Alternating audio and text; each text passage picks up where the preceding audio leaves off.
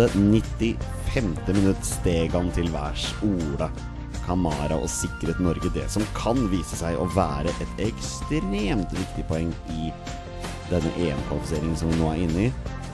Eller var det to poeng for lite? Det og mye mer skal vi snakke om i dagens episode av Våre bestemenns podkast om norsk landslagsfotball. Og i dag serverer vi dere tidenes aller første episode 85. Mitt navn det er Jonny Normann Olsen, og med meg her i studio i dag har jeg hverdagshelten fra Bogerud, Petter Hermansen. God kveld, Petter. Hei sann, hoppsann. Og ikke minst sosionomen fra Sørlandet, Jardar eh, Birkeland. God, god kveld, Jardar. God kveld, god kveld. Ja, beklager, det var det beste jeg kom på. Ja, nei, det er jo ikke det, er, det, er jo ikke det faktiske yrket mitt, da. Men Nei, det er sikkert et hyggelig yrke, det. For det snakket du og jeg om på veien hit. Du er jo geofysiker. Stemmer det? Ja. Um, kan du gi oss 30 sekunder kort om hva det innebærer? Eh, Jeg gjør beregninger på, eh, på jorda, da. Altså på grunnen. Altså på hvor mye man kan laste oppå, og hvordan det ser ut innover. Ja. Og så er du fotballsupporter på si. I aller høyeste grad, ja. Ja, i aller høyeste grad. Mm. Og du var på landskampen på Ullevål. Jeg var det, vet Og du. du så kampen mot Spania. Var. Fint. Da har han grunnlag for å være her i dag. Petter. Petter, Ja. som vanlig når vi skal spille inn pod, så må vi renskrive introen, og vi må ta noen ting på sparket. For det har jo skjedd saker og ting i dag, og vi må bare ta det med en gang. Jeg går rett på sak, jeg. Ole Gunnar Solskjær er manager i Manchester United, og kommer til å være det til og med 2021? 22? Var det noe sånt det var? ja, det var vel i hvert fall en treårskontrakt, var det ikke Men det? han er i hvert fall ansatt fullt nå. Ja, Det skulle vel egentlig bare mangle. Ja, du syns det? Ja, det Ja. syns jeg. Han har jo fått, uh, fått tilbake entusiasme og glede i det laget der, og blant publikum også, så selvfølgelig. Han har jo levert uh, bra resultater også, selv om det selvfølgelig har gått litt imot uh, på enkelte ting. Men nå har de Champions League, da, som liksom er det store. Ja, jeg personlig ble litt overraska over at de tok det over gikk Ja. til å ansette han nå. Jeg så for meg kanskje skulle vente til sommeren, rett og slett fordi resultatene kanskje var litt sånn små Ja. Litt Men- Jeg, jeg, jeg tror og- dette her er en samla spillergruppe også, da.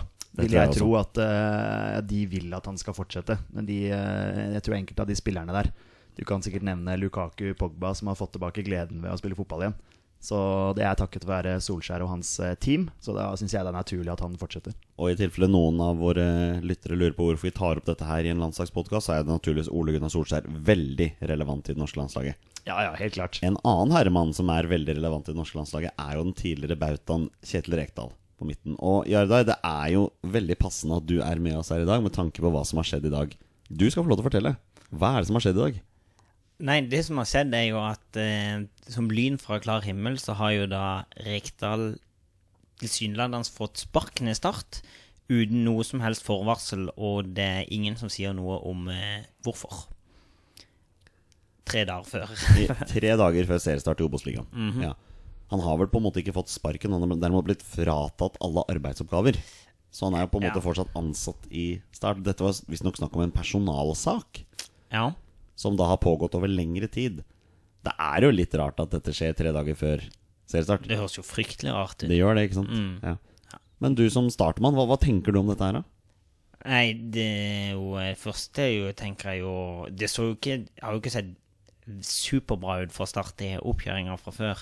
Så eh, det første en tenker over nå, er jo bare Dette er jo total krise. For det er jo eh, det er, Jeg vet ikke om noen umiddelbart som kan bare steppe inn der og ta den eh, Ta over det, den, det, det laget der. Ja, det er jo klart, Du lanserte jo et navn på bussturen vei opp hit, da. Jeg gjorde det, og det er jo det samme navnet som alltid blir lansert når vi mister eh, en trener på Sørlandet. Han heter Tom Nordli. Ja, hva syns du om det? Det blir ikke han. Nei, det blir ikke det. Nei, det blir ikke han. Men hva med, hva med Jon Arne Riise? Han er jo Han er jo ferdig i Birkekaran. Ja, vi kan bare fin Segway, Petter. Vi bare hopper et år til der. Vi, vi, det er jo ikke mange månedene siden vi snakket om at Jon Arne Riise skulle bli sportsdirektør nede i Malta der. Nei, han har holdt ut til hva du sa, tre måneder. Ja, Ja, noe sånt. det var vel ikke Så det engang? Han vil vel sikkert eh, inn i trenergjerningen nå, så får vi se, da. Men han har jo sjøl sagt at han, eh, han virker jo veldig hypp på en rolle i Strømsgodset. da. Og er det vært vært aktuelt? Den skal jo flytte til Drammen. Og Ja, han har snakket om det i media, at han skal ha lyst til å etablere familie og litt sånn der, da. Riktig. riktig. Så jeg vet ikke hva godssupporterne syns om det, men det er klart eh, han virker jo ikke som en fyr som holder seg veldig lenge et sted, da. Nei. Når han først skal liksom begynne å gjøre ting utenom eh, fotballkarrieren her. Nei, nei, og jeg håper jo ikke at uh, vi Med all ære til John Arne Riise, så har han ikke de råeste trenermerittene. Så jeg håper ikke at, vi, uh, at han er og snuser på jobb på Sørlandet nå. Tenk om han blir ansatt som starttrener nå. Nei, det blir han nok ikke. Vi får se hva Carlsen uh, finner på. Men det er jo en utrolig spesiell sak, dette her. da. Det var jo som du sier, lyn fra klar himmel. Plutselig får du varsel på telefonen. Rekdal ferdig start. Hvem kan være aktuelle? Ja, hvem er det som er ledig, da? Ja, hvem er ledig? Det må jo være litt sånn at uh, Tor Ole Skullerud, Kåre Ingebrigtsen? Kåre Ingebrigtsen Ja. Nei, nei, det vil ikke ha Ja, Tor kunne kanskje vært, men, eh, men Kåre vil ikke ned i den suppa der. til å Kan dere lokke Steinar Pedersen vekk fra Arendal? Ja, det er jo ikke så lenge siden vi kippa han ut fra Og det gikk jo ikke akkurat superfint for seg. Det endte jo opp med at uh, fatteren til Steinar Pedersen, Erik Rutfold Pedersen, også gikk fra Start. Og han har jo vært i Start siden 60-tallet, tror jeg. Ja. Nok klubbfotball for denne gang, mine herrer. Vi går videre til landslag, og vi må gi en liten applaus til vårt U19-landslag som har kvalifisert seg til EM til sommeren. Og det i en knalltøff gruppe med Ungarn, Tyskland og Kroatia. Så ender de opp med syv poeng på de kampene og har da gått videre. Og det er andre året på rad. U19-landslaget går til EM. Fjorårets U19-landslag skal jo senere i år spille U20-VM, så det blir jo mye U-landslag å følge med på. Samtidig som G17-landslaget akkurat nå er i gang med sin kvalifisering til et potensielt sluttpuss. Det, det gror godt da i norsk fotball, Petter. Ja, la oss, eh, la oss håpe det. Det er jo det er et steg opp fra håper å si juniorfotball eller guttefotballen der, U-fotballen og opp til et A-landslag. Så får vi se hvor mange av disse som, som har en fremtid på A-landslaget. Begynner å bli noen fine meritter for Gunnar Halle nå, da, som har ledet Absolutt. to absolutt forskjellige landslag til, eh, til sluttspill. Det, er, det er moro. Ja, noe for start, kanskje? Gunnar Halle? Gunnar Halle? Ja, jeg vet ikke. Han vil, når han har det så greit med U-landslaget, så vet jeg ikke om han vil eh, Ja, kanskje han trives mest med det. ja. Du er redd for hvem som helst, så han skal inn der i det der vepsebolet du snakker om. Absolutt. Det, jeg kan Ja. ikke se for meg at det der skal eh, gå noe greit for seg. En mann som kanskje ikke tar over start, det er jo Terje Skjellestad. Og grunnen til at Terje Skjellestad nevnes her, er at han har på en måte vært litt vikartrener for U21-landslaget i de to kampene som har blitt spilt nå. Eh, fordi Leif Gunnar Smerud tydeligvis ikke har vært tilgjengelig Det har egentlig bare stått at eh, han har leda laget i Smerus fravær. i Smerus fravær. Ja. Eh, til de glimrende resultatene 3-8 mot Finland og 1-5 mot Russland. Dette er stygge, stygge tall, Peder. Det ser ikke bra ut på CV-en til Terje Kjellestad. Nei, men eh, det er jo på en måte en liten grunn til at dette har blitt sånn også. For det er jo ikke akkurat et toppet U21-landslag som har møtt opp i disse kampene. her Det har snarere tvert imot vært et veldig ungt U21-landslag. Og grunnen til det har vært at Pål Arne Paco Johansen på U20-landslaget har fått muligheten til å velge spillere først. I forhold til spillere som da er med i oppkjøringen til dette U20-VM-et. Så det har da medført at en del spillere har fått debuten sin på U21-landslaget. Blant annet Aron Dønnum fra Vålerenga. Ja, med scoring Med eh, i denne ja. 3-8-kampen mot 3-8 eh, mot Finland. Ja. Jeg, jeg nekter å tro at U21-landslaget til Finland i utgangspunktet er 8-3-seier bedre enn Norge U21. Det høres jo helt absurd Ja, det, de, de gjør det, ikke sant? Ja. Så det er, det er noe som eh, skurrer her. Men det er klart, det ser ikke bra ut på CV-en til stakkars Terje Skjellestad. Nei, det gjør ikke det. Men eh, det er som du sier, et sammenraska U21. Ja. eh, Lite samspilt. Da, da blir det sånn. Mannen med landskamp for Norge. A-landskamp for Norge. Ja. Terje Skjellestad. Jeg tror han har én eller to okay. som eh, keeper. Han spilte i. Potensiell eh, 20 spørsmål der. Ja. Jeg tror den hadde vært vanskelig å ta. Faktisk. tatt den. Boys, nok intro. Dere vet hva vi skal snakke om. Vi skal gå i dybden på Spania-Sverige-kampen. Er vi klar? Ja. Ja. Da kjører vi på. Rekdal skyter i mål! Mål! Norge leder 1-0. For de store begivenheter, Kjetil Rekdal skårer igjen. Er fantastisk i EM og VM-sluttspill i VM-kamper, Kjetil Rekdal. Det har blitt spilt uh, to EM-kvalifiseringskamper hittil. Det har blitt 1-2-tap mot Spania og 3-3 i en forrykende kamp mot eh, Sverige her. Petter, jeg må spørre om det med en gang. Er håpet om direkteplass til EM nå over? Uh, nei, det er jo ikke det. Men eh, det hadde sett mye bedre ut om vi hadde holdt på den 2-0-ledelsen mot eh, Sverige. Det er jo klart, det. Men eh, jeg, jeg mener jo Hva tenker du, Jardar? Nei, jeg tror ikke det er jo, Alt er jo åpent så lenge vi Jeg tror jo at dette blir en kamp mellom Norge og Sverige da på den andreplassen. Og da eh, Så lenge vi Så lenge vi kommer unna med uavgjort eller bedre i, på, i Friends Arena, så er det jo eh, Så er vi jo eh, helt oppe der. Men eh, klart du avskriver Romania nå, da. Ja, eh, det kan hende det kommer tilbake og biter meg i ræva, men eh, jeg, jeg tror at Norge og Sverige er hakket bedre da enn Romania. Ja. Vi kan jo bare begynne å gå rett på kampene, Petter. Og da begynner vi med Spania-kampen. En kamp som du og jeg så sammen eh, live. Det blir 1-2-tap. Eller, Jeg- to, eller to en-tap. Eller 2-1-tap. Vi kan også si det. Det er også mye bedre. Um, jeg frykta litt den kampen på forhånd, eh, naturligvis. Det var Spania som sto på andre halvdel. Jeg må innrømme at jeg var redd for kalassifre. Det blei jo ikke kalassifre, men jeg vet ikke hvem sin skyld det var. Er det Alvaro Morata sin skyld, eller er det Rune Jarstein sin skyld? Ja, det er vel en, er vel en lett blanding. Lett blanding, ja. Som du sier, eh, ikke så veldig mange forhåpninger. Selv om jeg hadde en tweet eh, før matchen hvor jeg sa at jeg er naiv nok til å tro at Norge kan få med seg noe fra den kampen. Og, og vi er ganske nære, altså vi er nærmere enn vi trodde. Og det, det går jo veldig mye på at vi hadde faktisk den flaksen som, som, vi, som var nødvendig for å få til noe der, da. Men allikevel så sitter vi igjen med ingenting. Og det, man, man er faktisk litt skuffa etterpå. For vi, vi var egentlig veldig nære å få med oss et poeng der. Men hadde vi klart å få med oss et poeng fra den kampen, her så må det være ærlig å si at det hadde vært litt av et ran. Ja, men det er lov i fotball. Det er lov med ran. Altså, ja. Hvordan skal du ellers jeg håper å si, ta poeng mot et av verdens beste lag? Da? Det er ikke oss, altså. Vi er Nei. ikke blant verdens beste. Jeg da må man ha litt flaks. Ja, jeg er enig, men jeg personlig syns at eh, Spania kom veldig lett til eh, flere ganger der. Hva tenker du, Øde? Ja, eh, jo, det kan jeg jo si. De kom jo til mye sjanser og har jo helt absurd mange skudd fra inni boks der. Men hvis noen hadde tilbudt meg 2-1 på forhånd, så hadde jeg jo da hadde jeg tatt det.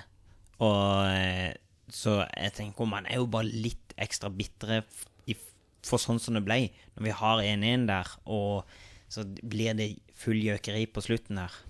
Men det, det er klart, sjelden har jo faktisk Spania skapt så mange sjanser på hjemmebane som de gjorde i den kampen her. Det var vel Jes Mathisen som la noen statistikk på dette, her, at det kun er miniputtnasjoner som Liechtenstein og andre lag som har gitt Spania flere muligheter.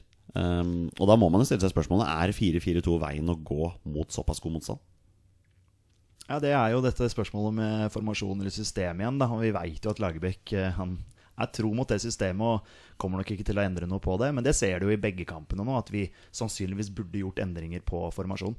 Det blir jo veldig mye jobb på Ole Selnes og Markus Henriksen på den sentrale midtbanen når begge kantene er såpass offensive som det er. Jeg tenker at Mot dårlig motstand så er det en naturlig vei å gå, men burde man begynne å tenke i retning av 4-4-1-1 eller 4-5-1 mot bedre motstand? Gjør det?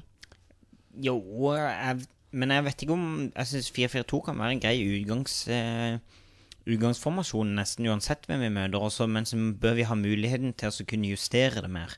Sånn som spesielt i Sverige-kampen, da, at eh, når vi har 2-0 der, og når vi har 2-0 spesielt så lenge som til 70 minutter, at ikke vi prøver og, At ikke vi bare stenger mer av, og da f.eks.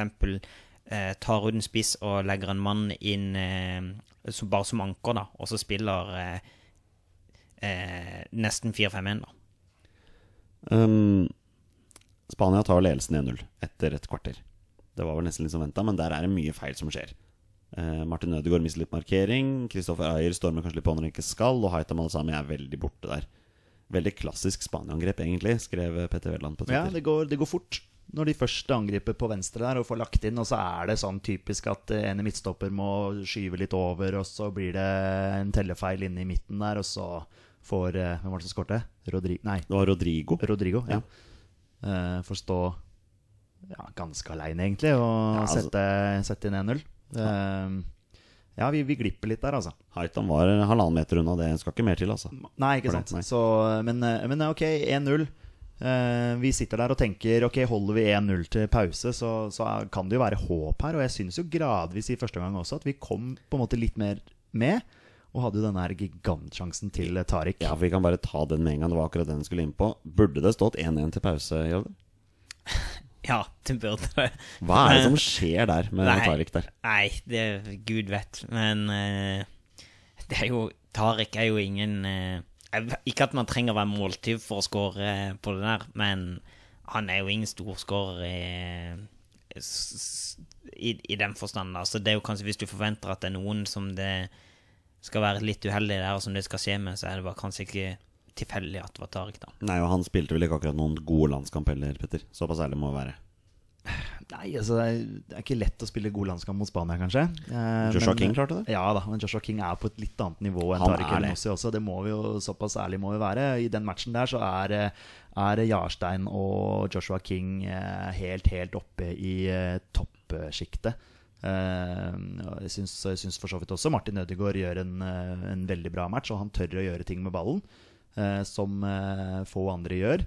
Og vi reagerte jo da han ble, ble bytta ut. Ja, nå stjeler du Segwayen mine her så det holder, for det skulle nettopp være mitt neste punkt. At vi var veldig forbausa når han ble bytta ut etter 55 eller 60 minutter her. Ja, det var så, det var så tidlig, og synd å, å miste en spiller som, som du vet tør å gjøre ting med ballen.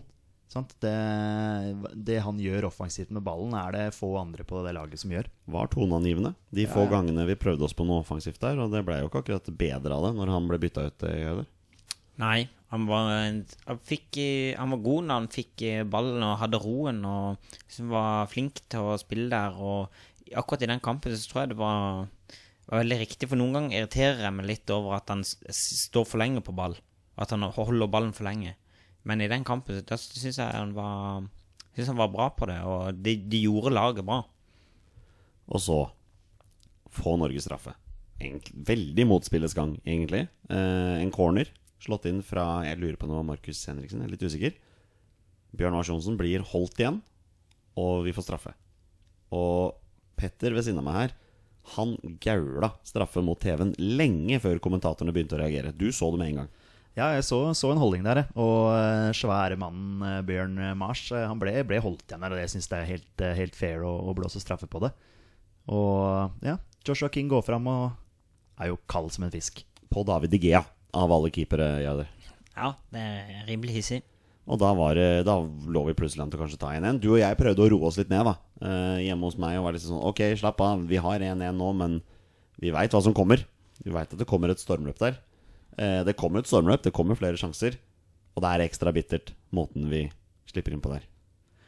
Ja, og så er det kanskje litt typisk at det er Nordtveit som er involvert i det. Mannen som eh, Fotball-Norge akkurat nå gir skylden for det meste, egentlig. Ja.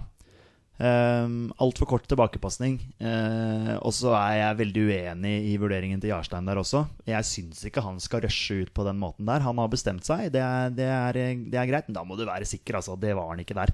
Og jeg syns jo det er Morata som kommer gjennom, er det ikke det? Morata er på en måte på vei litt Altså på en måte litt sånn på skrå.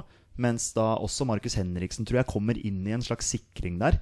Eh, og Morata er jo ikke akkurat kjempeheit foran golden for tiden. Så um, jeg tror jo Det er jo selvfølgelig lett å si i ettertid, men jeg tror sjansen har vært større for vår del hvis Jarstein hadde ja, kanskje kommet litt ut, gjort, prøvd å gjort vinkelen litt eh, vanskeligere. Men han blir for heit i toppen der. Og det sier han jo i intervjuet etterpå også. Jeg gjør en dårlig vurdering, sier han, og det syns jeg er fint at han sier. Fordi veldig veldig mange Vi, vi skrev jo en tweet også at denne her må Nordtveit og Jarstein dele, faktisk. Der var det mange som var uenige. Folk mener at det kun er Nordtveit sin feil. Jeg mener at den må de dele. Greit at den pasningen er ræva fra Nordtveit, men den utrustningen til Jarstein også, den er ræva, den også. Men det hadde jo aldri blitt straffe med mindre den pasningen fra, Jarstein- nei, fra Nordtveit hadde kommet heller. Nei, det er helt sant, men det er den vurderingen som Jarstein gjør der. Det er jo selvfølgelig lett å være etterpåklok, og han var også etterpåklok der, men han sier jo det. Jeg gjør en håpløs vurdering. Og det, det er jeg enig i. Og samtidig er jo Fotball-Norge veldig samstemte nå med at Håvard Nordtveit rett og slett ikke presterer på landslaget nå. Hva tenker du om det, Jardar? Nei, det er jo eh, jeg, For det første er jeg helt enig med Petter der, at det, det, den, den der må de dele. Eh, men eh, at Så Og Men den de, deflection som eh, Nordtveit får i Sverigekampen, det er jo, det er jo uhella. Det er jo Men det er jo så typisk at det er han. Ja, men det er jo sånn det er når du, når du står Henning Berger har en haug av selvmål. Og er for, han står jo alltid foran målet. Og det er jo Jeg mener, det, det er det sånn som skjer. Men det er jo klart, han var jo ikke særlig god ellers i kampen. da Nei, og det så du litt i Sverigekampen, at oppspillene hans er ikke på plass der hvor det skal være. Og han er rett og slett direkte svak med ballen i beina. Ja. Eh, vi la jo merke til med Sverige at innleggene var han bra på. Da kom han fram og tok de fleste duellene. Men problemet er jo hva, hva er alternativet? Nei, alternativet er jo Sigurd Roste, da. Vi er jo glad i Sigurd. Ja, eller Tore Reginiussen. Tore. Reginiussen, hvis han uh, er Ja. i form. Jeg savna Ja. jo krigermentaliteten til Tore Reginiussen. Men han er tydeligvis ikke i form og har vært ærlig på det, og det er, det er helt greit. Men akkurat i denne matchen der Men samtidig, utover i andre omgang, som du sier også, Jonny, så skrøyt vi veldig av Nord Nordtveit. For han gikk veldig i krigen der og vant ekstremt mye dueller. Det var han som gikk veldig sånn og, og holdt på å si kjefta de andre gutta, på de andre gutta rundt seg. Og gikk i dueller og kriga voldsomt der, altså. Jeg er enig, men da syns jeg også vi skal skryte av Kristoffer Ayer. For han er vel så vidt fylt 20, han er 21 og sånn, og han også kjefter og smeller Ja på de fleste her. Så han, han står fortsatt- fram. Han har fortsatt mye å lære. Jeg syns ikke Absolutt. han gjør noe kjempe, kjempekamp der, men, eh, men, eh, men eh, jeg syns jo vi sånn generelt i forsvaret vårt uh, sleit litt. Da. Nå er vi litt inne på Sverigekampen, vi kan jo gå mer inn på det etterpå. At uh, det, har- vært noe shaky med forsvaret vårt i begge kampene. Vi kan, vi kan absolutt bare rulle, rulle sammen Spania-kampen nå. Det er Ja vel ikke så mye mer å nevne. Men det er én ting til jeg vil nevne den kampen, og det er jo dette her med Stefan Johansen på kant. Altså. Han blir helt usynlig. Man ser han ikke, han er ikke til stede. Og de, de gangene han får ballen, så, så det blir ikke noe bra ut av det. Det er en grunn til at han ble vraka til, Span til Sverigekampen. Ja. Det er jo eh, Det var jo helt berettiget òg, selvfølgelig. da Det at han ble At det ble bytte der. Og det var jo eh, sånn sett i ettertid, så er det jo burde han jo mest sannsynligvis ikke vært inn- inne der i Spania-kampen. Så er det da denne Sverigekampen på tirsdag, Petter. Og for en berg-og-dal-bane vi var vitne til den kampen her. Fra ja, du nevnte det sjøl, fra euforia til eh, helvete til euforia. Ja, det er vel en grei sånn, ja. eh, Vi var vel i himmelen der, eh, spesielt på, på 2-0. Og eh, det er jo en, en forholdsvis jevn match som jeg føler Sverige liksom gradvis bare ble bedre og bedre og viste seg som et bedre lag enn oss. Dessverre, altså. Men er de egentlig så mye bedre, eller er det vi som ga dem veldig lette arbeidsforhold med å ha såpass to offensive kanter? Ja, jeg er- ganske enig i det. Og jeg Jeg, jeg syns òg at vi Når vi skal prøve oss å forsvare oss inn der når vi har 2-0-ledelsen, og skal prøve oss å bare ri det her inn, og så ser man ganske tidlig at dette, dette går ikke. Det blir for mye store sjanser, og det var jo allerede i første omganger Tidlig i eh, første omgang så så vi jo hva som skjedde, for når vi varierte press Vi hadde jo ganske, veldig stor forskjell i da vi varierte presshøyden, og da vi kjørte med lav presshøyde. Da så du hvor mye sjanser vi fikk imot, og mye farlige skudd. Og det var jo det som skjedde bare over altfor lang tid i andre omganger. Det var jaggu ikke lett å være Ole Selnes og Markus Henriksen i den kampen heller. Det blir jo fryktelig vanskelig for dem, fordi Sverige spiller seg gjennom det leddet ofte, og det er der sjansene starter. Ja, vi, jeg syns vi har for stor avstand mellom forsvar og midtbane.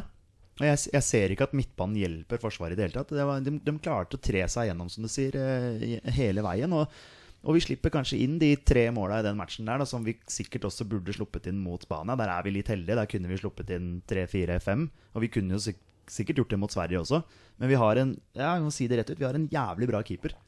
Som, som redder oss eh, både mot Spania og mot uh, Sverige. Ja, ingen tvil om det. Vi skal snakke litt om Rune Jarstein litt senere også. Men er det ikke litt fascinerende at vi ser da et Lars Lagerbäck-landslag som slipper inn tre mål de siste 20 minuttene? Ja, Hvem hadde trodd det, liksom? Jeg syns det er skremmende. Det er, det er skummelt. Ja, jeg syns Ja, det er veldig det. skremmende. Ja. For det, det tror jeg ikke han hadde sett for seg sjøl heller. Nei, det tror ikke jeg heller. Og nå, klart, nå hadde vi 2018 med jevnbyrdig motstand, som vi egentlig feirer gla- glatt gjennom. Men er det sånn her det skal se ut defensivt når vi møter bedre lag?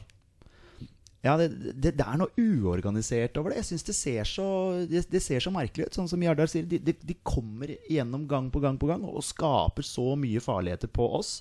Og Lars Lagerbäck sitt grunnlag i eh, si klubber, landslag han har trent før, det er du setter det defensive først. Det er der du, du legger, eh, legger grunnlaget. Og som, som Jardar nevnte i stad også, på 2-0 der, at vi ikke gjør noen bytter. Altså, jeg ville, jeg ville gjerne For eksempel, vi, vi, vi, det ble jo sånn powerplay. Altså, Sverige pressa og pressa pressa, og vi klarerte ballen. Det var det eneste vi gjorde i den perioden der. Bjørn Mars Johnsen har ingenting på banen å gjøre i den fasen av spillet. Da må, du, da må du ta ut han, og da kunne jeg godt tatt inn Stefan Johansen. Jeg har faktisk hørt på, på VG Sportens podkast på vei opp til jobb i dag, og eh, Øyvind Brenne, en tidligere gjest her, skrøt voldsomt av Bjørn Mars Johnsen for hans innsats i den kampen her. Mente at han bandt opp Forsvaret flere ganger, vant flere hodedueller. Han sa at det var en av hans beste landskamper. Ok, Hva la vi merke til på Ullevål? Hva, hva kommenterte vi underveis? Bjørn Marsjonsen vinner ikke en eneste duell, snakka vi om. Husker Nei. du det? Det er Det er jo totalt uenig med dere. Jeg er jo Med oss? Jeg, ja. Ja. ja. Det, det var, jeg syns, han gjorde en kjempelandskamp, og han løp mye og fighta, og jeg syns synes han vant mye dueller òg. Men eh, det som jeg syns er det store feilen med det, er at han Han gikk tom i Han gikk tom all, Han gikk jo tom rundt 60 minutter. ja, og Der har du jo argumentet, da. Ja, og der, han hadde jo ingenting på banen å gjøre. Nei, var han etter 60 minutter. Da var det bare å få han ut. Og hvorfor det? Jo, fordi han spiller ikke klubbfotball. ikke sant? Han, han har jo ikke noe grunnlag. Nei? Det er jo fordi Lagerbäck er jævlig glad i ham.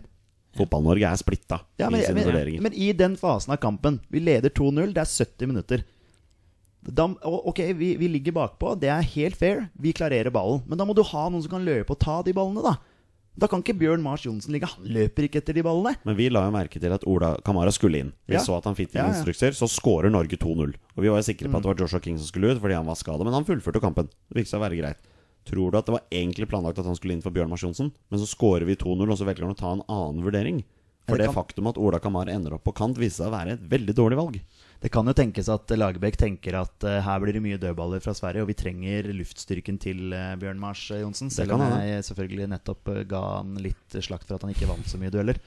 Uh, men selvfølgelig, han er jo lang og skal, skal vinne mye baller der. Men jeg syns det, er- synes det er merkelig at ikke vi gjør noen taktiske grep på 2-0. Men, men det er akkurat det du sier der, det tror jeg er mye av grunnen til at Lagerbäck er så glad i, i Bjørnar. Det er at han Ikke bare det at han fungerer veldig godt som en presspiller og herregjør og sånn på topp, men at han forsvarer boksen veldig godt. Altså defensiv, På defensive dødballer så syns jeg han forsvarer boksen veldig godt. Og jeg tror det er en veldig stor del til at han får spille såpass mye eh, under Lagerbäck, da. Men han skårer jo 1-0. Ja. Og vi kan vel bare si det med en gang, og så bare avslutte den diskusjonen her i Våre bestemenns podkast. Ja, det var offside. Det var offside, og jeg eh, som supporter er eh, Jeg må si, jeg må si rett og slett Jeg er ikke fan av at vi scorer sånne mål. Nei, Der er jeg. men der var vi fan. Eh, Ja, men sånn i ettertid Jeg, jeg syns det hadde vært bismak hvis Norge vant 1-0 mot Sverige på den skåringa der. Ja, Det ser kanskje du til og med du fra din posisjon på helt andre siden av banen så vel at det var offside. Nei, vi, vi så ikke Vi så, Nei, bare vi så ikke at det var offside. Det, var, det gjorde vi på ingen måte ikke. Vi vurderte det, og vi tenkte tanken. Ja, ja vi, vi, vi snakka jo om det. Vi snakka om det med keeper, og at keeper har overspilt osv. Og, så videre, og der, der må jo VAR inn. Altså, vi, dommerne trenger hjelp. Ja. 2-0 kommer jo også på en kjempekontring, eh, hvor Joshua King header inn. Så, så, er, så glipper, altså. Straffen er grei. Eh, Ja, er den det? Ja, jeg, jeg syns den, den er innafor. Svein Erik Edvardsen er helt uenig. Ja, men Svein Erik Edvardsen liker å være uenig.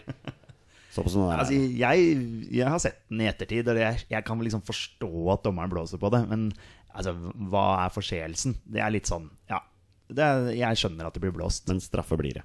Straffe blir det. Grankvists straffe reddes av Rune Jarstein der. Ja. Men slår han returen litt sånn farlig ut der? Du kan ikke Når han redder straffen Det, er jo det, vi, det vi skal peke fingeren på her, er jo Joshua King, som står og tenker på Bislett kebab. Det er jo bare å Det er jo helt Han står med hoftefeste og ikke går på returen. Ja, men det, det sitter en herremann rundt dette bordet her nå som hintet litt, fram, litt grann frampå under kampen at han kanskje mente at den returen skulle slås et annet sted. Ja, Jeg tenker på deg, Petter. Den straffen er ikke hard. Nei, den er ikke det. Den, den er ikke noe sånn voldsom. Så hadde han hatt muligheten til å kanskje slå den ut av farlig sone Nå gjør jo selvfølgelig Claesson, han, han som scorer på returen, ikke? Han jukser selvfølgelig litt. Han er jo innafor før uh, han Det egentlig visste skal. Det Ja visste da, vi jo. og det, det skjer jo på hver hvert eneste straffespark. Det trenger man ikke bruke tid på. Men uh, hvis det er Joshua King, det har ikke jeg lagt merke til, uh, Jardar, men det, det stemmer helt sikkert. Og ja, da er han ikke på jobb, rett og slett. Han er ikke det, men det er kjempefrustrerende, de to baklengsmålene vi får når det er fem minutter igjen der. Ja det er klart, den defleksen på Håvard Nordtveit, den er bitter, men Det ligger, jo, det ligger jo så i lufta at Sverige skal skåre. Ja, Man skal ikke få muligheten til å komme til en sjanseskudd i det hele tatt. For igjen så spiller de seg inn i det der midtbaneleddet, som de ikke skal. Ja, de er, de er imellom midtbanen vår og forsvaret vårt. Og forsvaret vårt blir stående og jeg holdt på å si rygge og se på. Og, ja, det, det, Sverige i den perioden der er bare De viser en annen klasse, litt høyere kvalitet enn hva vi har. Og, Noe av det mest irriterende med det er at jeg, det er ikke noe sånn at det er sånn som skjer eh, veldig fort at de på en måte løser en kode der, og så bare ser det veldig fort, og så, og så, og så scorer de på det. Det er jo noe som skjer Jeg har sett mange ganger uten at de har fått utdeling på det Det er bare hele kampen. Og jeg forstår ikke at det ikke blir justert. Nei, det er det jeg også altså, Man kan liksom diskutere Er det, er det liksom Lagerbäck og benken vår som på en måte taper denne kampen for oss? Greit, det ble 3-3, men altså, det føles litt ut som når man har 2-0 der, så skal man være på det nivået her såpass flinke og såpass kyniske at man skal klare å ri det i land. Så det er jo ting som ikke har blitt gjort riktig her. Vi, vi, vi, så, vi så det jo underveis i matchen også. Altså, Sverige kommer til å skåre snart. De presser og presser og kommer seg gjennom, sånn som Jarda sier. Det var liksom gang på gang. Det, det er så merkelig at det ikke blir gjort noe med. Men vi veit at 4-4-2 er der, og det kommer til å bli værende. Ja, men det er flere måter å spille 4-4-2 på, ikke Det sant? er det absolutt. Vi har 4-4-1-1 også. Ja, ikke sant? Men vi får jo 3-3. Det er jo eufori på tribunen når, eh, når Ola Kamara scorer. Og Petter, jeg har bare lyst til å spørre deg hva, hva, Jeg vet jo hva du skal svare på dette her. Men hva syns du om NFFs håndtering av publikum på denne kampen her, og plassering? Jeg, jeg, jeg syns det er merkelig at det tillates at det er svenske supportere inne blant oss norske supportere. Det syns jeg er merkelig. Ja, og vi lot oss litt irritere over det. Ja, selvfølgelig. Det, man blir jo håna der på 3-2. Altså Når Sverige går opp til 3-2, så er det x antall svensker rundt som eh, ser muligheten til å gi oss eh, litt eh, pepper. Og det var, som jeg sa til deg underveis i matchen, altså fy faen så deilig det er hvis vi scorer 3-3 nå, så, for da skal vi ta igjen. Og det gjorde vi. Det gjorde vi. Det gjorde vi. Det var gøy å synge 'Always Look on the Bright Side Ja, of Life'. vi, vi, vi svarte på den. vi svarte på den. Så, eh, men eh, i, da Sverige skårte 2-2, så sa vi også det at nå kommer Sverige til å vinne. De kommer til å vinne 3-2. Og de var jo, Og de var jo nærme. Ja. Ja. Det, som, det som gjør at vi er heldige og får seks minutter tilleggstid, det er jo egentlig lagt til tre minutter. Eh, Det er jo det at en svensk spiller ligger nede. Så vi må jo bare takke han for at han sannsynligvis faka en skade der. Gratt, eh, grattis idiot, er det det det heter? Er det det? Ja. Men eh, deilig corner fra Martin Ødegaard. Veldig deilig corner. Og Kamara header den inn. Ja. Vi skal, vi skal runde av disse to kampene nå. Jeg har bare lyst til å trekke fram fire enkeltspillere som jeg da velger å gi en ekstra applaus til fra disse, fra disse to kampene her. Jeg begynner med Rune Jarstein. Har vi en keeper i verdensklasse? Ja, men det er jo eh, Det føler jeg jo at det har han jo vist i Bundesliga i tre-fire år nå. Han har jo han ikke vunnet mm, Vunnet Vært keeperen på eh, Årets keeper de to siste årene i Bundesliga, da.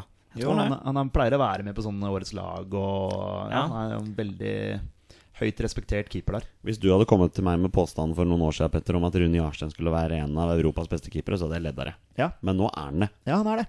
Han har virkelig, virkelig spilt seg opp. Og det er deilig for oss å ha en så suveren nummer én. Den redningen på headingen til han derre Quaison, eller hvordan man uttaler det, det er, det er noe av det beste jeg har sett. Altså. Ja, Ja, du har den Spania- Spania-matchen også, Ja, hvor han er den. Ja, ja. nede der og, og redder en heading. Så, og han redder straffe. Burde stått på Ramos sin eh, chip der. På, han sa jo det i ettertid, at eh, jeg hadde egentlig bestemt meg for å stå. Så det, det er litt bittert. Men på tross av den, og på tross av at han lager straffe, så får han ternekast seks fra meg. Altså, Ja, ja. På de to kampene her. Ja, Ja. Nestemann jeg vil ta fram, er selvfølgelig Joshua King. Uh, han, er, han er farlig. Han er et angrep aleine, omtrent. Ja, han er det. Han kan jo Han utfordrer jo på, uh, på alle plan, liksom. På, på teknikk og på styrke og på fart, liksom. Og det er jo Det er jo bare Ja, det er som du sier. Han, han har liksom Han er liksom Det er nesten som Jon Carew før i tida, liksom. Ja, det er litt sånn Karev over nå. Ja. Litt sånn Karev light. Ja, bare setter fart, og folk bare preller av på han. Ja. Det er jo en diskusjon gående på VG-debatt akkurat nå om hvem som egentlig var best av Jon Carew og Joshua King. Jeg syns nesten det er litt urettferdig, for Jon Carew har jo mye mer meritter enn det Joshua King har å vise til. Ja, men så er de, så er de jo ikke Nei, de er litt annerledes spilletyper òg, da. Bitte lite grann. Ja. Joshua King skal nevnes. Jeg har også lyst til å trekke fra Martin Ødegaard. Mm. For eh, jeg syns han spilte spilt seg en elveren nå. Ja, jeg syns også det. Jeg håper at Lagerbäck har bestemt seg nå for at uh, han er med og, og skal spille. Det, han tør å gjøre ting med ballen. Det skjer noe. Greit, han kommer til å gjøre feil. Han er ung. Uh, er fortsatt i en læringsprosess, så vi kan ikke forvente at han skal klare å gjøre alt alene. Vi kan ikke få både si, defensiv struktur og offensiv kalasfotball. Vi må velge litt med Martin Ødegaard. Han er bedre offensivt enn defensivt. Ja. Men- Men han var veldig god mot Sverige til å bryte ball. Altså Han leste spillet ekstremt godt mot Sverige, la vi veldig godt merke til.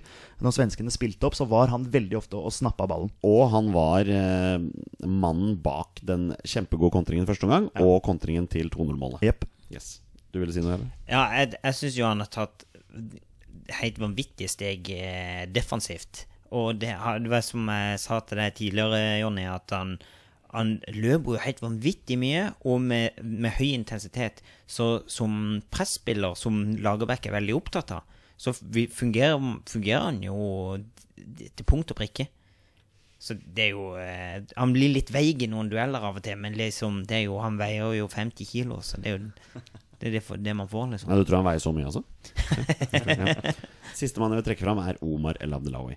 For en kamp han hadde mot Sverige. Mm. Helt Han var strålende. den beste i uh, fireren vår bak, ja. Ja, han var det. Ja, da, han, var, han var det. Det er ja. både, både Haitam og Nordtveit og Ayer syns jeg roter litt Ja, det er, mye. er vel lov å si at Birger Meling tar tilbake den venstrebekken. Han, han eh, gjør nok det, altså. Ja, han gjør det. Ja. Ja, men jeg, jeg, syns, jeg syns fremdeles ikke at Haitam var i, han, Jeg syns ikke han var like dårlig som stopper han var i den, i den Sverige-kampen. Han er så, han er så rundingsbøye på den 3-2-skåringa. Ja, det, det, det, Der kan må det være bedre. Ja, ja. Men, Selvfølgelig all mulig cred til han som legger inn der, eh, men, eh, men akkurat der så kommer han litt til kort, da. mm. Petter, skal vi ta noen spørsmål fra våre følgere og lyttere? Ja, la oss gjøre det. Da gjør vi det. Han skårer igjen! Og Norge i det 46. minutt opp i 3-0! Det hadde vi ikke trodd da det var igjen ti minutter. All right, boys. Vi annonserte på sosiale medier at vi skulle spille inn dagens episode, og vi har fått en haug med spørsmål og kommentarer, Petter, og dette setter vi pris på. Det setter vi alltid pris på. Vi begynner med en, eh, noen spørsmål fra våre bestemenns egen eh, 20 spørsmålsgeneral. Det er Thomas Kristoffer Follerås. Han sier de fleste er vel enige i at Norge la seg altfor mye bakpå mot Sverige, og det slapp de tilbake inn i kampen. Hva tenker dere Lagerbäck og kompani kunne gjort annerledes? Ja, vi har vel snakket litt om det, men, eh, men eh, akkurat, Formasjon, tenker jeg. ja, altså, akkurat i den fasen der hvor vi blir pressa sånn som vi blir, så kunne jeg tenkt meg å ha hatt inn Stefan Johansen. Som en sånn type ryddegutt som kan sparke ned litt svensker og, og, og plage dem litt, rett og slett. Han er en sånn type, men da ville jeg ikke hatt han på kanten. Da ville jeg hatt han sentralt i banen. Som en slags sånn defensiv eh, Ja, en sånn vegg foran forsvaret vårt. Når du først er inne på Stefan, så spør du Thomas videre Hva tenker dere om Stefan Johansen og hans rolle i landslaget? Personlig føler jeg han ofte faller gjennom nivåmessig og tilfører lite. Det samme gjelder for så vidt også Nordtveit. Ja, der. Ja, det syns jeg er to ganske forskjellige saker med Nordtveit og Stefan Johansen. Nordtveit så er det jo litt Vi har kanskje litt mangel på mange nok gode stopperalternativer, da. Som det sa tidligere, så er jo Rosted er jo et eh, alternativ, og Reginiussen, selv om ikke han var med nå. Men, eh, men eh, utenom det så er det jo litt tynt, da. Men eh, på midten, sentralt på midten, som kan eh, konkurrere med Stefan Johansen, da, der har vi jo en haug av spillere som er, som er bra. Og jeg er ganske enig i at han, han, han tilbyr jo ikke så veldig mye eh, annet enn det som vi allerede har. Tidligere så har han tilbudt en del med dødballfot og sånne ting, men det, det poenget mister han eh, liksom når, han ikke slår de dødballene lenger. Jeg tror han kunne passet bedre enn sentralt hvis vi f.eks. hadde spilt 4-5-1. Med Joshua King som spiss. Ja, og så, så savner, vi, savner vi Sander Berge. Det gjør vi. Sentralt i banen der, som den ryddegutten som han har eh, vist seg å være. Altså, Ja. der ser dere, vi har jo midtbanespillere, så det Absolutt. nok av det. Um, ja. er der. Nei. Nei? Det var ikke noe Fint, fint. Da går vi videre. Uh, Thomas fortsetter. Når man ser på landslagstroppen, i hvilke posisjoner mener dere Norge er svakest og kanskje burde gi noen nye muligheten? Er det, er det stoppeplass? Ja, det er jo, det er jo bingo. Det er stoppeplass. Hvem skal inn da? Ja, ikke sant? Ja. Vi har Sigurd Rostedt og Tore Ginnesen i bakgrunnen. Ja. Ja. Det er jo Even Hovland var i troppen. Ja, sant. Og så, så er det dette her med at vi har spilt mot eh, lag som har vært på vårt nivå. Og da har jo til og med Even Hovland kommet inn og gjort det bra. ikke sant? Så de har tatt vare på Rosted, har tatt vare på muligheten og spilt, spilt bra mot, mot lag som vi, som vi skal spille jevnt med, eller som vi skal slå, da, kan du si det sånn. Nå møter vi plutselig to lag som er bedre enn oss. Både Spania og Sverige er bedre enn oss. De, eh, de er i eh, Ja, Sverige er i, i mesterskap, det er ikke vi. Eh, de er høyere enn oss på Fifa-ranking osv. Så videre. så, eh, og da faller vi plutselig litt igjennom. Eh, vi slipper inn tre mål hjemme mot Sverige. Det er ikke bra. Det er ikke bra. Så, men, men, men hvem, hvem skulle kommet inn? Det er liksom det som er det vanskelige der. Martin Bjørnbakk. Bjørnbakk, ja. Jeg bare ja. nevner et navn. Ja, altså. ja, Ja, ja. er han- litt uprøvd på det nivået, da? Eller Lite grann, ja. Helt uprøvd, kanskje. Vil gjerne se han prestere litt i Molde først. Ja. Mm. Og så, så handler det om å få tilbake Altså, jeg er veldig svak for Sander Berge, og vi vil veldig gjerne at vi og Han og Martin Ødegaard er spillere vi bygger et landslag rundt. Ja. Både Ayer, Berge, Ødegaard. Typer som bør være førstemann på blokka. Uh, unge enda. Kommer til å ta steg. Så på et eller annet tidspunkt så, så må man jo starte der òg, da. Yes. Med så unge spillere. I forhold til mesterskap, veit du hvor mange mesterskap Sverige har vært med i siden vi sist var med i et mesterskap? Oi. Ja, det. Mm, Siden Ti fem. Fem. Syv er riktig ja. svar. Ja. Så de er, de er jo rett og slett bare Er det, mer al- er det alle utenom ett? Jeg tror det er fire VM og tre EM, eller motsatt, hørte jeg, i en annen podkast. Ja. Um, Markus Evensen på Twitter skriver Dersom King hadde vært litt mindre egoistisk på 2-1 og spilt på tvers til Kamara, hadde vi vunnet mot Sverige. Du og jeg, vi så jo ikke den situasjonen helt bra. Men Eh. derfor har vi en fyr på andre sida her som kanskje så den situasjonen litt bedre enn oss. ja. Jeg så den ganske bra, men du kan ta det, du gjør der. Ja, det blir For det er bare Ødegaard som fører ballen oppover der. Ja. Kamara kommer på et kjempeløp på venstre. Ja, ja, er jo- Så Ødegaard kan egentlig tre gjennom Kamara tidligere, sånn som jeg ser det, istedenfor å velge King. Men Du, han først- du så den fra en annen vinkel, så Når, når han først velger King der, så virker jo Kamara å være helt fri, da. Ja. På motsatt side. da får King tunnelsyn. Vet du. Ja, det gjør han nok. Ja. Ja. Men hva Ja, tenker du? Jo, jeg er jo, jeg er jo, jeg er jo ganske enig der. At det det er jo Men det er jo eh, jeg, jeg føler uansett så det blir eh, Jeg vet ikke om det hadde blitt noe bedre. Tror du det? Nei, det er jo altså, Det blir jo selvfølgelig bare spekulering, Det blir jo den men det er jo det vi etterpå- driver med. Etterpåklokskapen, da. Ja. Det blir jo, blir jo alltid sånn. Hadde, hadde han gjort det, så kunne det, skje- det og det skjedd. Men, Ja. eh, men eh, jeg la ikke merke til det der og da da King fikk ballen, at Kamara var ledig. Men eh, det var kanskje lettere. Men jeg la merke til det da Ødegaard førte ballen fremover. At Ja. Kamara kom på det løpet. Og sånn som jeg så det fra min vinkel, at, at Ødegaard kunne Han har jo en fantastisk pasningsfot. Kunne tredd gjennom Kamara istedenfor å bruke King. Men uh, hva King uh, gjorde der, at Kamara var ledig da, det har jeg ikke, har jeg ikke sett. Nei, King jakta målet, vet du. Ja. Hvordan skulle. Uh, vi har også et spørsmål fra vår faste lytter, Stenjek. Sopoosek, jeg håper jeg sier det riktig. Sverigekampen. Hvorfor klarte ikke Norge å holde intensiteten høyt oppe og tett inn på ballfører, noe de klarte i hele fjor i nesten alle kampene? Attpåtil var ikke Sverige særlig gode. Her er jo vi litt uenige med han, Peder. Ja, altså, jeg syns i denne matchen, hvis du ser eh, 90 minutter, så syns jeg Sverige er et bedre fotballag enn oss. Er det derfor vi ikke klarer å holde intensiteten høyt oppe? At det er? Intensiteten den bør komme gratis når du leder 2-0. Altså. Enig.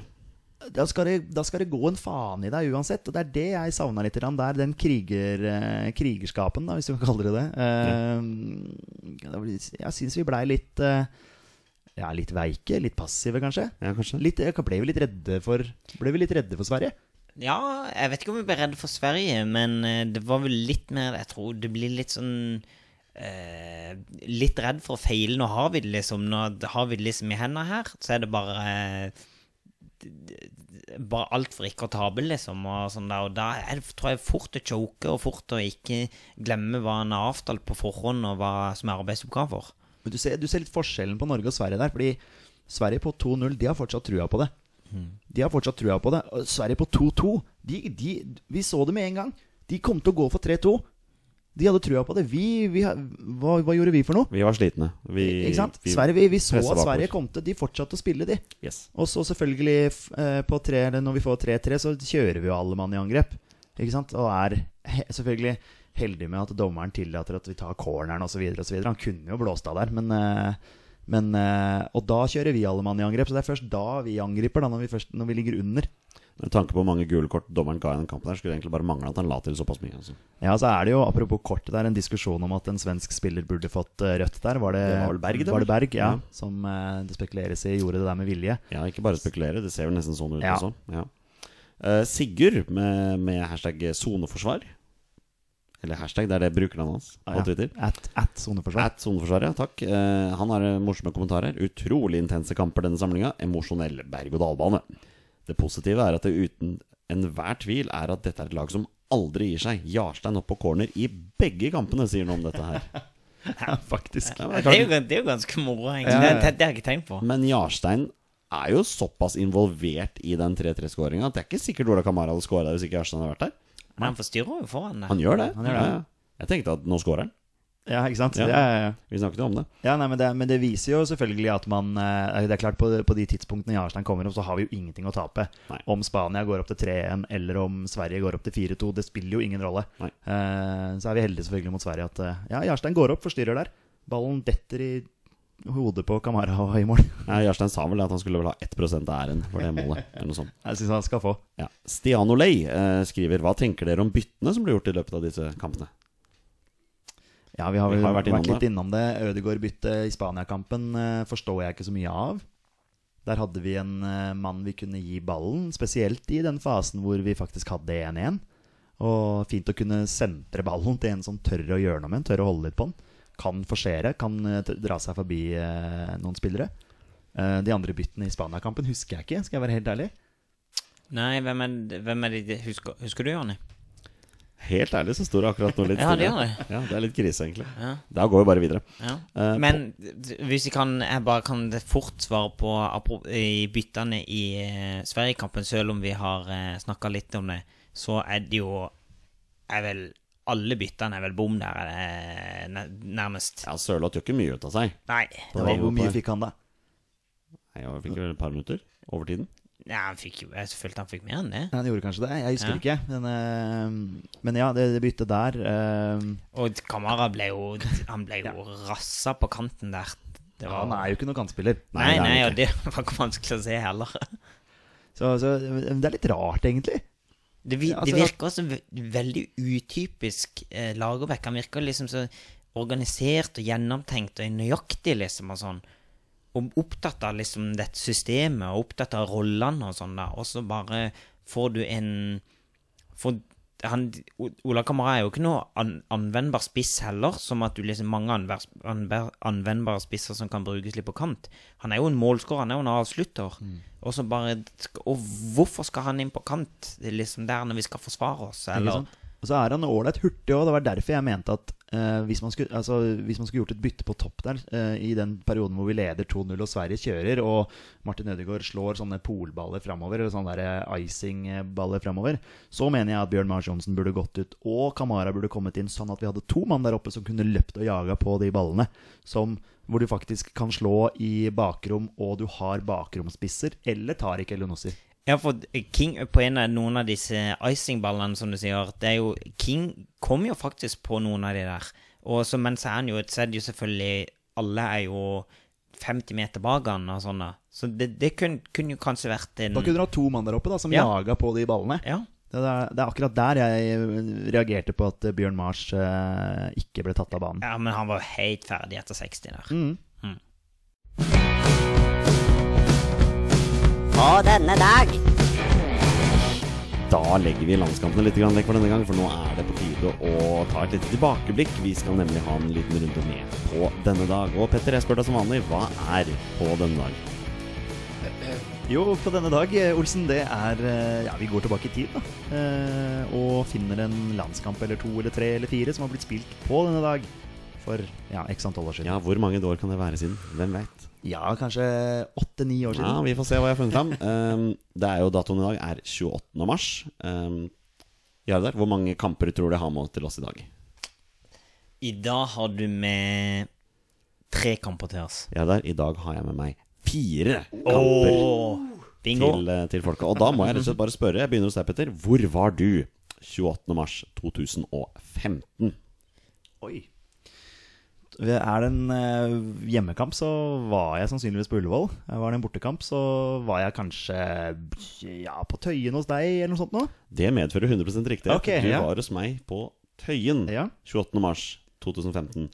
Og så Norge taper 5-1 mot Kroatia. Å, det var den matchen, ja. Det var den kampen. Norges største kvalifiseringstap på 30 år. Og du og jeg husker dessverre med gru den kampen. Det var da Kroatia fikk en mann utvist, men allikevel skårte to mål etter Yes, det. det stemmer. Ja. Mm. Husker du denne kampen? Jeder? Dessverre så husker jeg Ja. den kampen. Jeg husker at eh, Ørjan Nyland ikke hadde noen god dag i mål. Han har sjelden det. Var det Tetti som skåret for oss? 30 skåret for oss, det er Ja. helt riktig. Um, vi fikk jo vår hevn da et halvt år senere, når vi slo dem på Ullevål. Og plutselig var vi med i kampen der, da. Men det er jo klart, det er jo ikke en kamp vi har lyst til å minne så veldig mye om. Så jeg går egentlig bare videre til neste kamp. Gjør det, gjør det. gjør deg, det. Jardar Birkeland, hvor var du 28. mars 2009? 2009, 28. mars. Nei, da var jeg vel eh, Det var jo kanskje tidlig i rusttida mi, det. der, Så da var jeg jo eh, Da var jeg jo eh, Jo, jo, Janne, det er jo Du skal starte stilig. så, så da var jeg Da var jeg sikkert Paracet et sted, tenker jeg. Ja, Russetida i slutten av mars, altså. Ja, det det, det må være noe sånn der eh, sørlandsgreier. Petter, 28. mars 2009 taper Norge 2-1 mot Sør-Afrika. Ja. Nede i der. Det er ikke en kamp man husker så veldig mye, for dette Nei. var nemlig såkalt nye Norge. ja, vi så vel kanskje den kampen sammen i Bergen, vi, da. Eh, det er mulig vi gjorde. Eh, jeg fant ikke, fant ikke så veldig mye informasjon om kampen, annet enn at VG har en veldig fin artikkel her. At eh, først ble nye Drillos regelrett rundspill til første omgang, så tapte landslaget kampen etter et fantastisk skudd på overtid. Ja. Fra sidelinja så han Sifive Chabalala Skal akkurat til å spørre om det var Chabalala som drømmeskudd på overtid i Rustenburg. Så, og fotballandslaget tapte da fullt fortjent. Så da veit vi det. Her er Norges lagoppstilling i denne kampen i Sør-Afrika i 2009. Hvis internettet her eh, ute har lyst til å spille på lag med meg, så skal vi få den fram. Der har vi den. I 4-5-1 Jon Knutsen i mål. Tom Høgli og John Arne Riise på bekkene, med Brede Hangeland og Tore Reginiussen i midtforsvaret. Eh, på midten så hadde vi Daniel Bråten og Erik Husle på kantene. Sentralt Bjørn Helge Riise, Christian Grindheim og Morten Gams Pedersen. Og Moa på topp. Men det blei tap. Ble tap. Brukbart lag, da. Ja, det vil jeg si. Ja. Forholdsvis brukbart lag. Petter, hvor var du 28.3.2007? Nei, jeg bodde jo i Bergen, da. Så det var vel kanskje sammen med deg og så en eller annen match, kanskje? Jeg bodde ikke i Bergen da. Nei, Du hadde ikke kommet til Bergen Nei, jeg hadde ikke kommet til Bergen da, det er et halvt år for tidlig. Da så jeg den ikke med deg. Nei. Vet du hvor du var 28.3.2007? Nei, det var vel sikkert rusthjem i det òg, tenker jeg. hvor mange år var du russ? Nei, jeg har ikke snøring på det. 28.3.2007 spiller Norge 2-2 borte mot Tyrkia.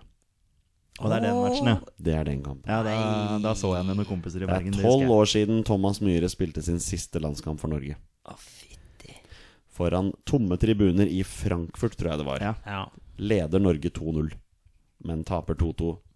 Og vi kan vel være ærlige og si at det er Thomas Myhre sin fortjeneste. Ene og alene. Jeg husker eh, Martin Andresen skårte for oss, og Simen Brenne. Simen Brenne, ja. Stemmer det. Målet til Martin Andresen var faktisk veldig bra. Jeg. Husker jeg hadde veldig Mm. bra angrepsspill. Eh, Målene til Tyrkia var ikke spesielt bra. Eh, nei, de eh, vi- kommer aldri til å glemme det. Nei, Og det tror jeg ikke Thomas Myhre heller. Han har jo flere ganger uttalt at det er hans verste opplevelse i karrieren.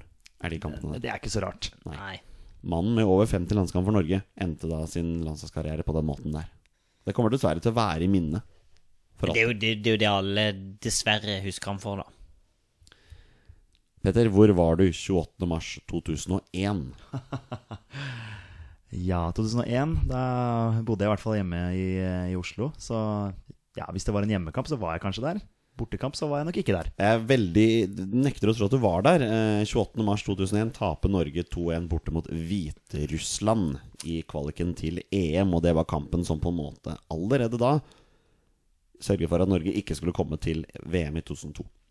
Den, og da var vi på en måte allerede vant til å komme oss til mesterskap. Vi hadde vært med i tre av fire siste mesterskapene, og det ble jo starten på en La oss kalle det for en lang tørkeperiode. Det er en veldig god beskrivelse. Det er ekstremt vanskelig å finne noe informasjon om den kampen. her Jeg har prøvd så godt jeg kan. Det eneste jeg kan, er å komme med lagoppstillingen til Norge i den kampen. Norge stilte med følgende mannskap. Thomas Myhre. Vidar Riseth. Henning Berg. Dan Eggen. André Bergdølmo. Jo Tessem. Tommy Svindal Larsen. Fredrik Vinsnes. Ole Gunnar Solskjær. Jon Carew. Og Steffen Iversen og Tore André Flo kom inn i løpet av kampen. Ja. Det var det jeg hadde. Det var en ganske trist dato. Det var en veldig Ja. trist dato. Vi har eh, tre, tre tap og en uavgjort. dårlig statistikk. La oss eh, bare la den eh, datoen forbigå, og gå videre til 20 spørsmål.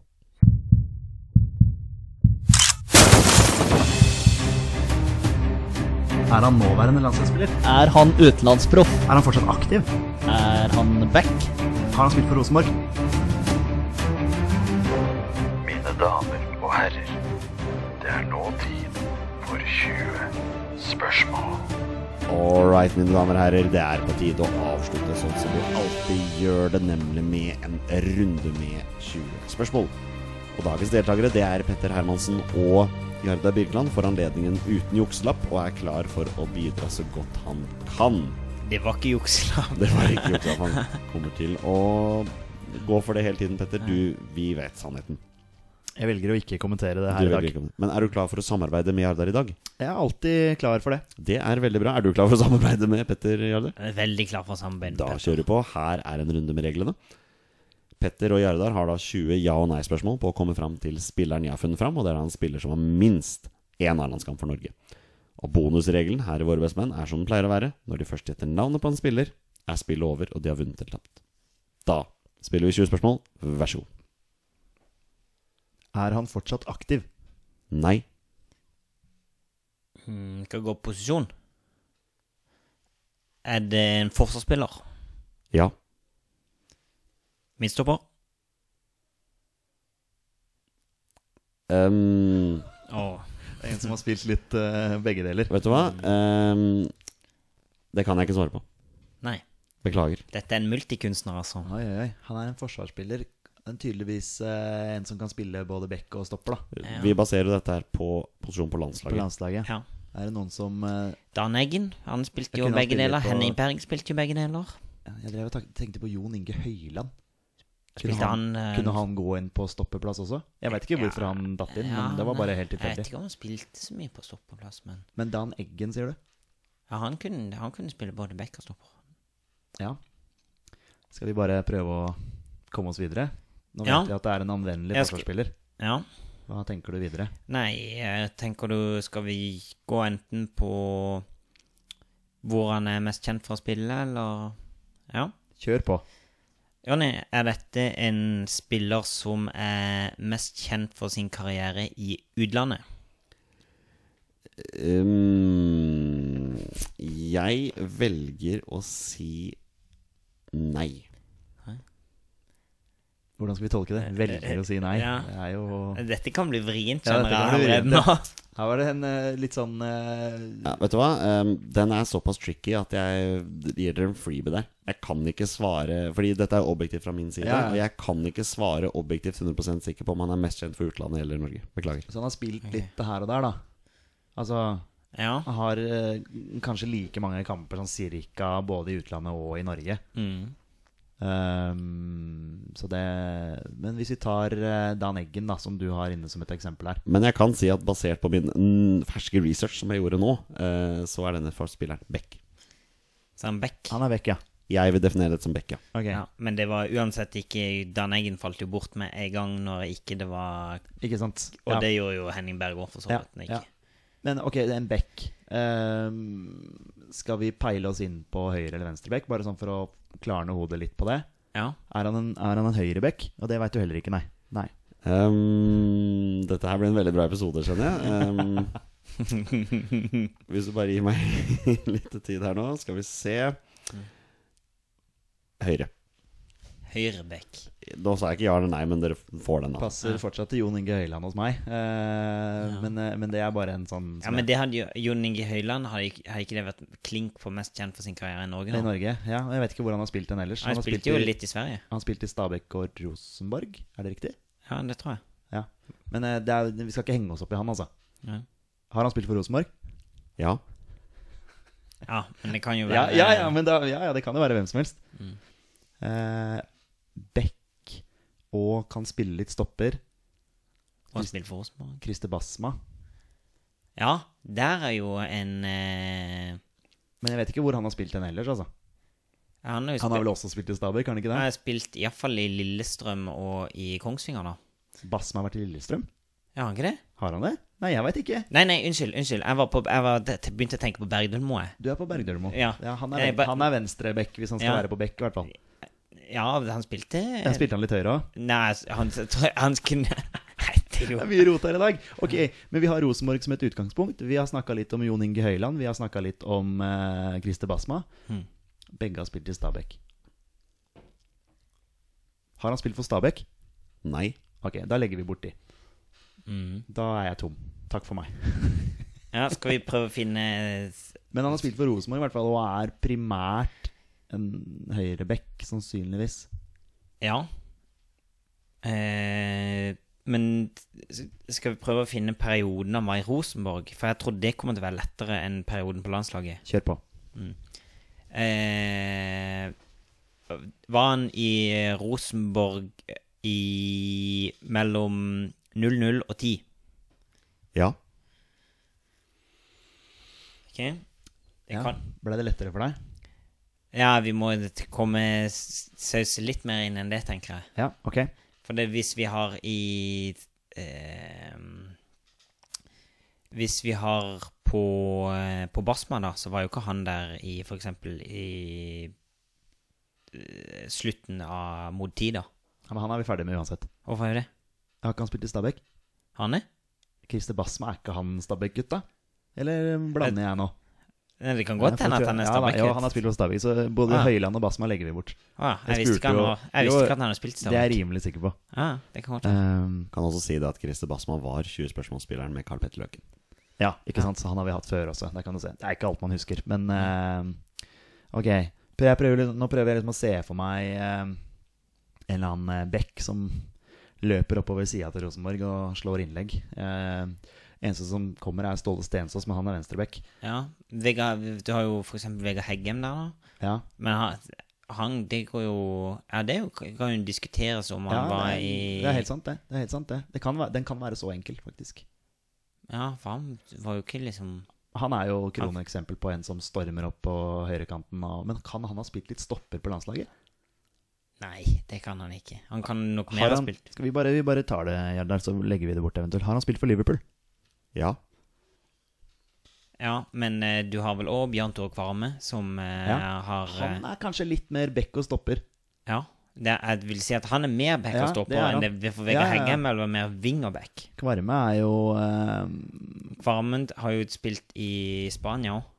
Ja, det er bra at du husker hvor han ellers har spilt, for ellers så kunne det blitt tricky hvordan vi skulle funnet ut eh, hvem av dem det var. Men eh, spør. Har han spilt i Spania? Ja. Ja, men da har vi den. Da er det Bjørn Tore Kvarme. Det må jo være det.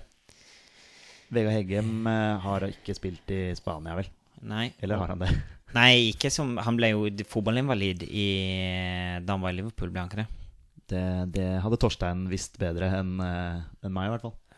Men, Men- eh, jeg tror nok vi er inne på sporet. Bjørn Tore Kvarme er mer sånn typisk har spilt stopper og back, Ja, men vi har ikke noen som vi eh, som vi glemmer. Ja. Han har spilt i Liverpool. Han har spilt i Spania. ja. Hvem andre, RBK 00 Ja. til 10. hvem andre kan det være? Nei, det må være jeg, må Ja, jeg, jeg, jeg kommer ikke på noen flere spørsmål rundt han som kan hjelpe meg noe mer inn. For jeg, jeg visste ikke at Eller når du sier det, så visste jeg at han spilte i Spania, men jeg hadde ikke kommet på det sjøl, tror jeg. Nei. Så jeg tror nok vi er inne på det. Men hvordan skal man eventuelt gå videre for å sikre seg? Nei, for jeg husker ikke hvilken klubb han spilte. i. Jeg tror kanskje lurer på om det var Sociedad eller Sargos han spilte i, men jeg husker ikke hvilken av de det var. Eller om det var noen av de det. Nei, ikke sant? Jeg, jeg, jeg, kan, jeg kan jo bare gutse. Jeg har Han spilt i Sociedad. Ja. Ja, Ja, ok, der traff du jo Ja. blink, da. Ja. Ja, men uh, tror vi bare kjører. jeg Jeg, Kvarmegutten, da. skal vi bare Ja. Ja, du kan ta den, du.